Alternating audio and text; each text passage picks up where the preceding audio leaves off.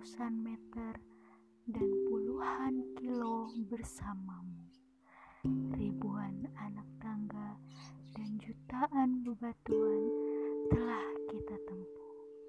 Benar adanya bahwa hidup adalah perjalanan menikmati surya dari ufuk mana saja.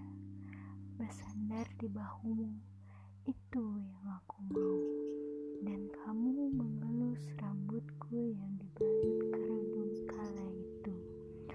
Suasana senja yang membuat berbeda, membuat siapa pun ingin berpelukan melihatnya.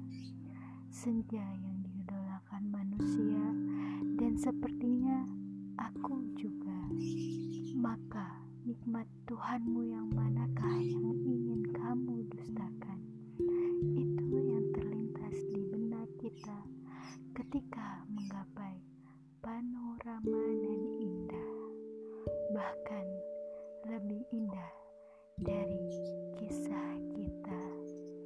Lelahmu dan lelahku bersatu. Egoismu dan egoisku